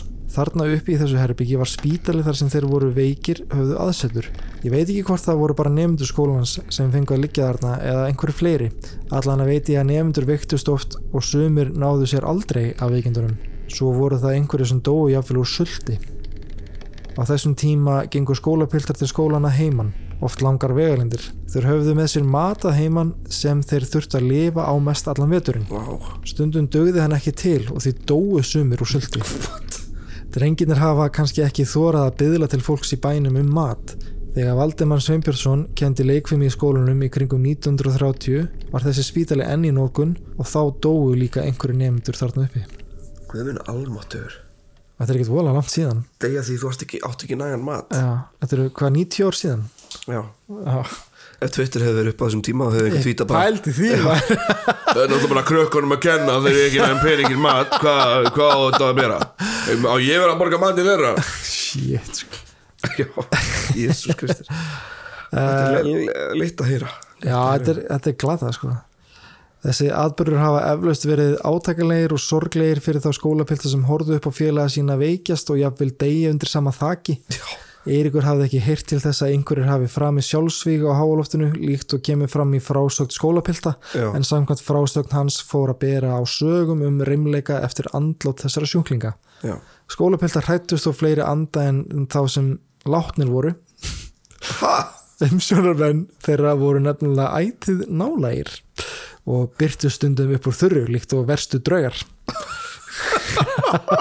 séra uh, séra Yes að Gíslason, alltaf þetta ekki að vera Jens að Gíslason, þetta er kannski stafsningu vilja. Eða þú veist, ég á einn kuninga sem Heitir Yes kannski er þetta Yes að Gíslason, sem er einmitt af uh, afi Eiríks Haraldssonar. Já, um, er eitt þeirra sem lísti tilfingunni sem einkendi andrúsloftið þegar Björn M. Olsen síðar, rektor hafði aðal umsjónu með hegðun piltana.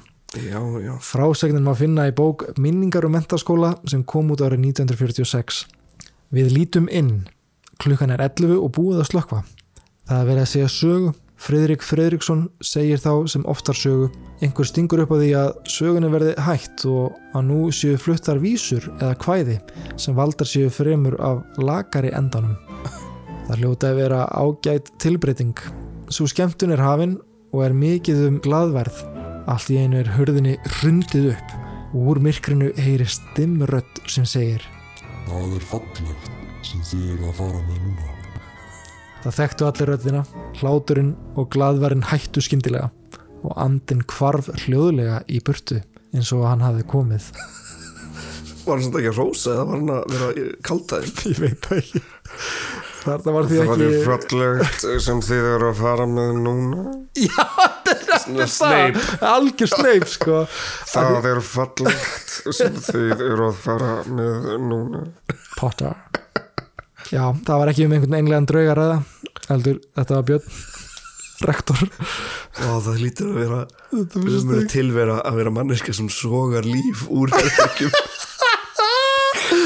bara, bara opna bara lappin í herbergi og fatta að allir eru bara mm, Já, hann var líka bara, þú veist, hann var alltaf svo nálægur og bara kom alltaf svona fast að piltónum Já, og bara áðins að þeir eru það hann svarir Eh, Það er því ekki ólíkt þetta að þunga andrúsloft í skólunum hafi stuðlað að því að sögur um slæma atbyrðu og jafnvel drauga hafi lifa góðu lífi meðal nefndara. Margir einslendingana hafa þó fundið fyrir nervuru í húsinu sem erfitt er að útskýra og þegar leið á 20. stöldina voru enn að koma upp sögur af reymleikunum í skólunum. Já, Karl Kristjánsson sem starfaði sem húsförður skólans um miðja öldina hafði oft orðið var við eitthvað óreint. Karl hjælti fram að reynt var í byggingunni og þegar hann sjálfur lést átti sér stað mjög undarlegt atvik.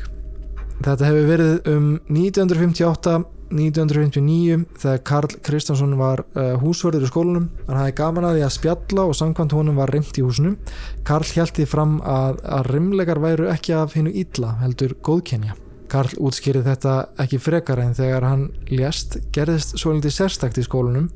Inn í andiri MR er stór klukka sem hefur verið þar langa lengi og gekk hún í marga áratugi án þess að bila eða stoppa. Karl hafði ekki verið mjög lengi húsvörðu þegar hann lést í mars árið 1961 en nóttina sem hann dó þá stoppaði klukkan.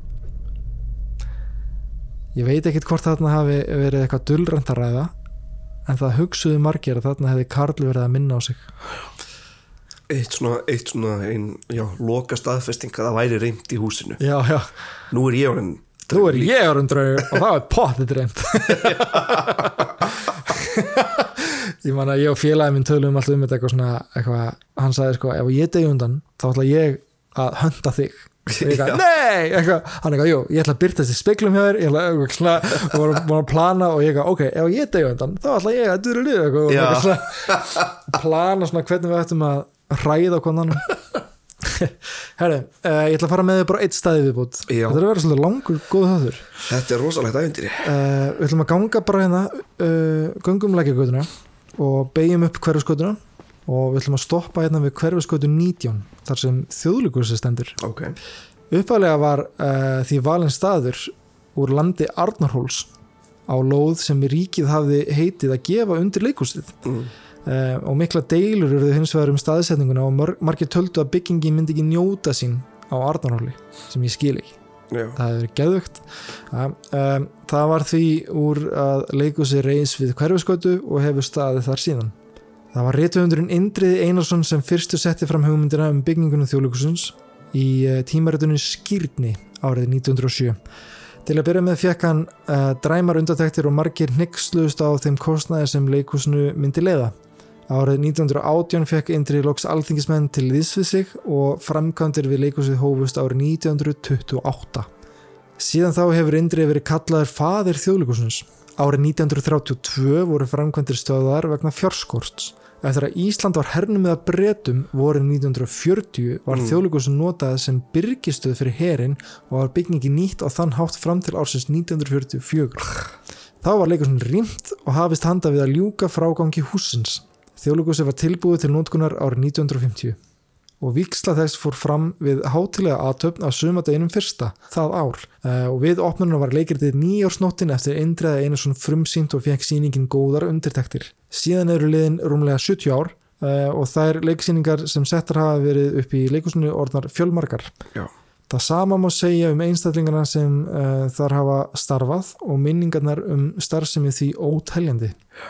Nokkri starfsmenn hafa meðal annars upplefað dularfulla ströyma í þjóðleikusinu og einhverju telja að þar séu andar forþjar á ferð. Ég hef fundið fyrir því hérna sérstaklega niður á stóru sviði og ég hef reyndar líka fundið fyrir hérna á æfingasal að þá hef fundist, fundist bæði, bæði verið ítt á mig mjög, mjög bara svona greinilega ítt við mig. Og ég held að einhver sé hérna baka mig. Eða ég finn, finn fyrir einhverjum hérna eins og sé einhver alveg nála það er mín upplifun að draugangi hérna í þjóðleikursinu Leikúsdraugar virðast halda til í flestum gömlum leikúsum, hér á landi sem erlendis. Það er þjóðleikúsið engin undartekning og ymsar sögur hafa farið af reymlikun í húsinu. Fáir hafa þó séð neitt með berum augum en aftur á móti hafa margi fundi fyrir einhvers konar nervuru í leikúsinu. Uh, já, ég, nema bara í borgarleikusinu shit mismunandi getgátur eh, eru til um uppruna þess sem þar er á ferli og sumir telja að draugagangin með rekja til manns sem lést að slisa förum í húsinu. Aðrir eru því að rekja með uppruna rimleika til tíma breska hersins í byggingunni. En þá vissu Íslendingar lítið um það sem fór fram innan luktar dyrar þjóðlugusins að lokum hafa komið fram hugmyndir um að þarna séu einfallega um að ræða látna leikara sem er að snúa aftur til þess að hilsa upp á gamla starfsmenn og vini. blessaður Hún Lofísa Pálsdóttir tók viðtal við Elvósk Ólafsdóttir leikonu í þættinum Flakk á Ráseitt um reymleika í þúlugusinu. Hún hafði þetta að segja. Það kemur kannski ekki á óvart að það séu draugar í, í leikhúsi. Það er einhvern veginn þannig að maður er að þvælast um, um leikhús sama hvar það er og ef maður er einn þá er það svolítið draugalegt og það eru búningageimslur og það eru rangalar og baksviðs og þannig að maður verður einhvern veginn ekkert hiss á því að einhverju draugar finnir sér samanstæði í leikhúsinu. Elva Ósk Ólafsdóttir hefur leikið hér í þjóðleikúsinu í mörg, mörg ár og hún hefur nú upplifað eitthvað svona misjæmt hér. Þú ætlar að segja okkur frá þessu. Já, ég hef nú oft fundið fyrir einhverju en aldrei séð en mjög oft já, fundið fyrir einhverju og margi fleiri hérna í húsinu hafa fundið fyrir einhverju svona nálægt sér. En aldrei geta setja svona puttanbitt á það. En svona einn áþreifanlegasta sagar sem að ég hef upplifað hérna þá vorum við að leika hart í bak árið 2009 og frumsýndur reynda 2008 en vorum að sína þetta fram í, í 2009 fram í vor. Og það voru einni vetrasýningunni það snemma í janúar að það var rosalega fallegt vetrarkvöld mikil stilla og, og logn og, og frost og svona. Og við komum í hús eins og vanalega og gerum okkur klár og svo byrjar bara, það byrjar allt á, það, það er allt einhvern veginn, það fyrir allt öfugt hjá okkur. Það byrjar á því að við viljum að byrja síninguna og þá er ekki hægt að byrja vegna þess að ein leikonan finnur ekki hluta af leikbúningnum sínum sem gerist nú alveg stundum sko en, en mjög sjaldan og það var, var ekki hægt að retta, þú veist þetta var peisa og það var ekki hægt að retta einhver annari peisu vegna þess að í þessari peisu var næla sem að, að hafði þýðingu í leikritinu sem var vitnað í og svona. Þannig að uh, það fór allt í stresskast og allir voru að hjálpast að finna peysun og hún fannst sem betur fer eftir smá senkun en svo gáttu við byrjað og, og þá byrja bara hvert óhappið á fætur öðru og það er endalust verið að stríða okkur. Það er eitt leikari sem að gleymir innkomu sem hafði aldrei gleymt innkomu áður og, og það er eitt leikari sem að uh, bara man ekkert hvað hann á að segja og, og þetta hefur bara aldrei komið fyrir þennan leikar áður og ég er til dæmi sjálf, ég er á leiðinni að hlaupa í ræðskiptingu, í fattaskiptingu. Og ég hleyp fram hjá hörðu sem að gengur inn að, að sviðismennunum, þar sem að sviðismenninir hafa aðstöðu. Þar heyri bara þessi rosa leiti, bara partístuð og ég hugsa bara hvað vita þau ekki, hvað er þau með útvarp eða sjónvarp í gangi, vita þau ekki að síningin er byrjuð? Og ég opna hörðina, alltaf fara að öskra eitthvað, þá bara, það er bara alveg hljóð hann inni, ekkert að gerast. Og ég talaði smingurnar og stelpunar og það er herðið þetta, heyrðu þetta líka það var eitthvað svona partilæti maður fyrir nú að klóra sér haustum, svo kemur að hlénu og þá segist hérna hún hafa gengið, hún hérna Helga sem var kvíslari hjá okkur hún gekk í fangið á einhverju einhverju veru sem að við vitum ekki hvað var eða hver var. En hún fann fyrir að hún gekk í fangið á einhverju mannesku og svona gekk þetta fram og tilbaka og og mér er sér að tala í svo við sviðsmennina eftir síningu að þá hafði á þessu, á þessu fallega vetrakvöldi glugginn hjá þeim fókið upp. Og ekki nóg með það, úti hún stóð uh, þungur, mjög þungur svona kertastjaki. Og við hlýðin á kertastjakunum var lítið staup. Kertastjakin rauk á gólfið og brotnaði allur en staupið satt kyrt í gluggakistunni Þannig að það voru allir að klóra sér í hausnum yfir þessu. En við komumst að því að þetta, þetta bara lítur að hafa verið, ég, ég veit ekki, þetta er leikrið eftir Jökul Jakobsson.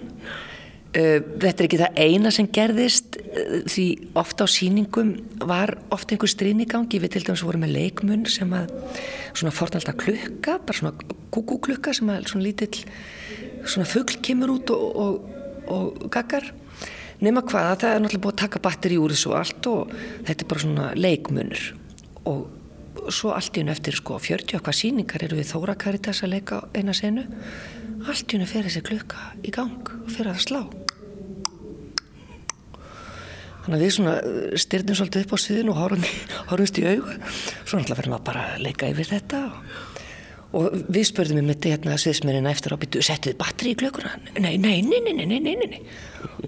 Þannig maður hugsaði alltaf byttu ef við erum að stríða okkur hérna, en þetta er kannski, kannski eru til skýringar, ég veit það ekki. Svo einhver tíman að þá hrundi líka til dæmis úr leikmyndinni, það vorum svona litla hillu með myndum og svona litlu hlutum á og það hrundi nokkra myndi niður og samt fann maður ekki fyrir neinu jæðskjálta eða neinu, neinu reyfing á bakvið heyrðu, ég glemt að segja þessari síningu sem við upplöðum allt þetta.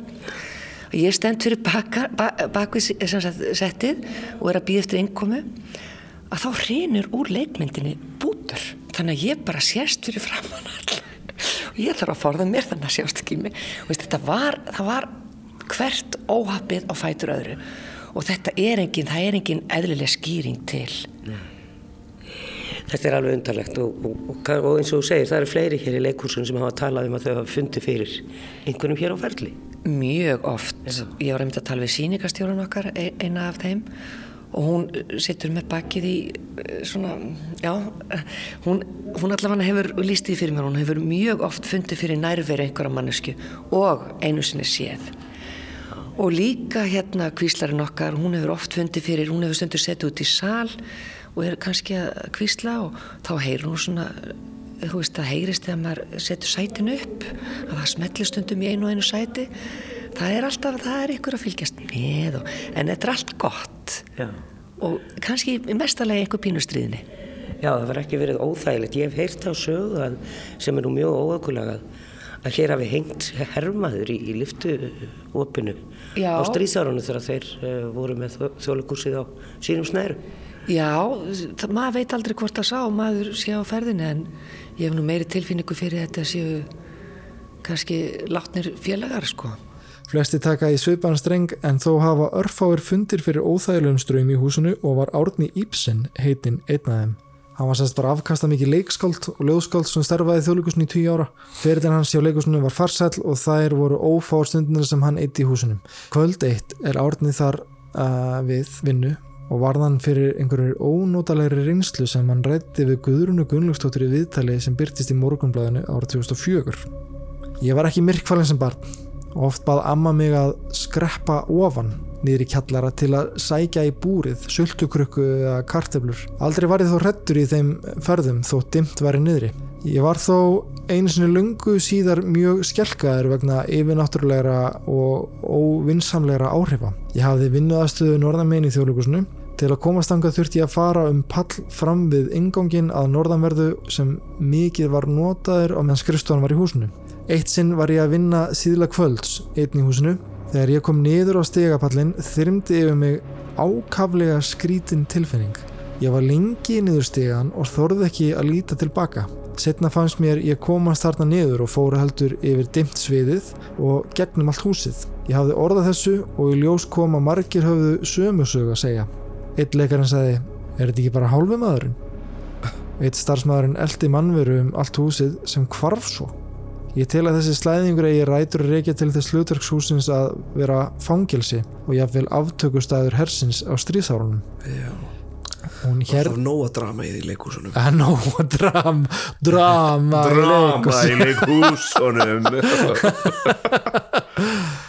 Er, hún Herdís Þorvaldsdóttir sagði þó frekar merkilega sögu í viðtali stuttu fyrir að hún lést sem hljóma svona. Svo kemur stríðið og 1940 þá koma hérna breytar og þeir sjá þetta stóra hús tomt og notuðu þeir það sem pakkhús og það var notað sem pakkhús öll stríðs árin. Það voru hérna reykháur út um gluggana og það var reykur alveg hörmulegt ástand. En það hefur skeið hérna í húsinu meðan breytar voru hérna að það var þarna ungur maður. Það er ekki vitað hvað hefur komið fyrir hann eða hvort honum hefur bara leiðist svona mikið hérna. en hann hengir sig í húsinu. Því hún litist. Já, hann leittist, já. Já. Já. Um, já, já, svo líkur nú stríðinu og þá fer og þá er farið að hugsa um uh, að gera eitthvað við þetta báknina og, og það hefur verið svona líklega 1945-6 þá er byrjað aftur á húsinu og, og nú er ákveðið að klára það. Og þá er ákveðið að þessi tilbúið 1950 og eftir það þá verða margir vari við eitthvað sem ekki á að vera hérna. Og þegar farið er að leika hérna og vinna hérna þá kemur ímislegt fyrir það eru til dæmis brattu stígi upp í æfingarsælinn og það er maður að fara þarna niður með dót og honum finnst sér bókslega að vera hrind niður tröppunar Nú Ardís Björnsdóttir leikona, hún fer hérna út á, þetta var bara nokkrum dögum fyrir opnununa, hún fer á sviðið og fer að skoða leikmyndina ofskaplega hrifin og gengur aftur og bak og svo finnst henni bókstælega að henni sé hrind ofinni grifju og hún meiðist illa og fyrir á spítala og alveg skellungulostinn að geti ekki verið hérna þegar opnað er. Og hún kemur hérna öll í spelkum frá spítalunum og kemst hérna með rulluna sína þarna í, í opnunni og fer svo beint á spítalan aftur. Og svo er það þannig að það var verið að mála íbúðunar artistar og hún gæti ekki verið í íbúðunni og hún gæti ekki sofið í íbúðunni það var svo óskaplega sterk líkt af málingu á þessum tíma og þannig að hún fær að vera hérna í búningsherbygginu í leikusinu sofa hérna í nokkra nætur. Og fyrstu nótuna þá vakta hún við það og hún heyrið að það komið við snerilinn þessu trommu. Mm. Og þegar hún lítur á hurðina þá er hurðin svona mjög rólega að opnast. Og hún var nú skegn hún er hérna artís og, var ekki beint hrætt við þetta að hún vissi ekki betur en hún væri alein í öllu húsinu. Svo hún stendur upp og opna dyrnar og kallar fram að gangin hver er hér? og það er ekki nokkur, nokkur einastan sála nálagt Þá kynntist ég ballerinu. Ég þor ekki að segja nafnið hennar af því að ég er ekki búin að fá leifi hjá henni til að segja þessa sögu. En hún var indisleg ballerina og var þá nefandi í ballettskóla þjóðlíkusins. Og hún sagði mér þessa merkilegu sögu að hún sagði að það stæði þannig á að foreldra hennar væri að skilja og það væri svo ömurlegt heimilislífi að hún hefði bara ákveði að búa hér í einu búnísherbyggina. Því hér er náttúrulega rennandi vatn og hægt að fara fram á gang og uh, klósettin. Og hún lættist alltaf fram hjá Valdimar sem var dyravörður hérna niðri. Lættist fram hjá honum og hingaði upp og hún bjó hérna. Og, og svo sagði hún mér, næst í hitt hana, og ég sagði, hvernig er það? Eh, Hvernig er heimilislífi hjá þið núna? Er það ennþá að búa hérna í búníserbyggi þjóðleikusinu. Og það sagði, nei, ég þorði það ekki lengur. Akkurju? Því ég, ég var alltaf svolítið hrætt að fara fram á klósetti og uh, það var svona eitthvað geigur í mér. Hvað þá, eina nóttina, þá vaknaði ég við að það er fótatak hérna frammi og það er bara gengið þungum skrefum og stoppað við herbyggistinnar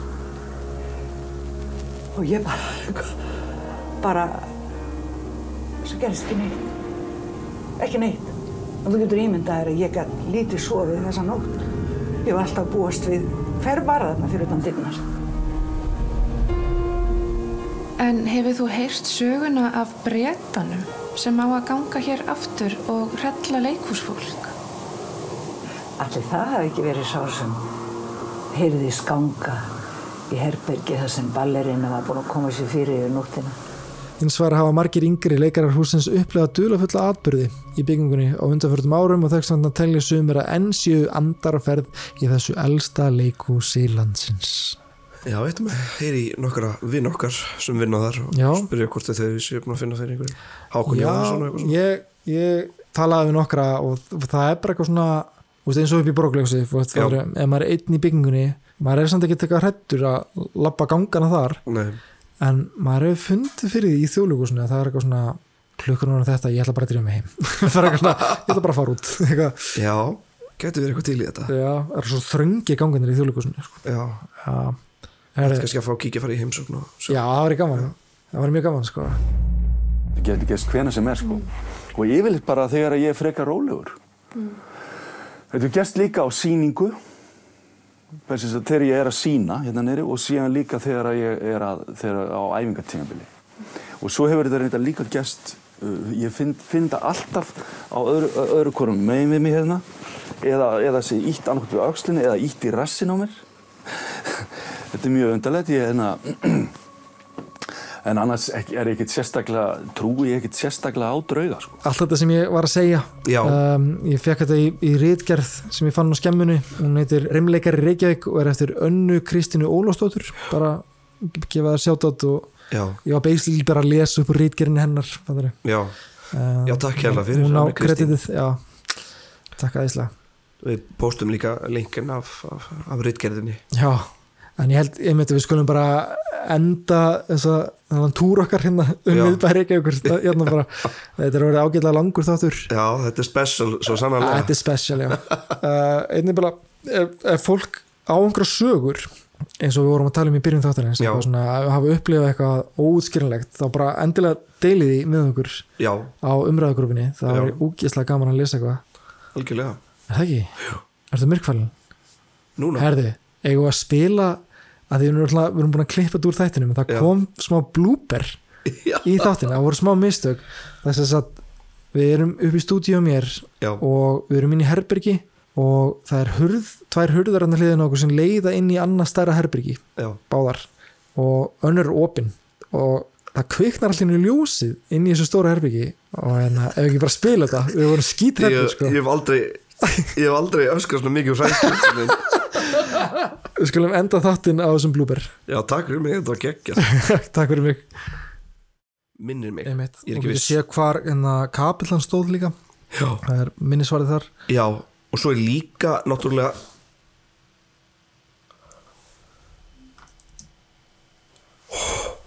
Hvað fokkar var þetta?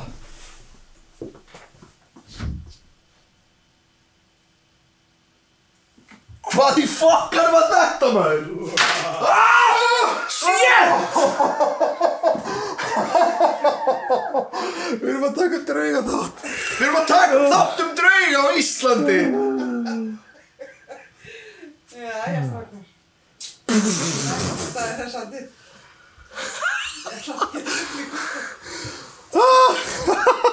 Ég tók þetta upp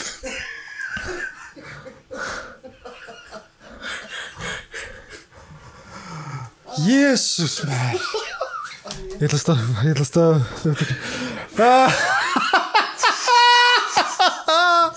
Það sem kveiknaði ljósið. Já, ah, Já, ljósi kvik, við þurrum og svo kom eitthvað hljóð. Þetta var einmitt við vorum að tala um. Krafritinn skúla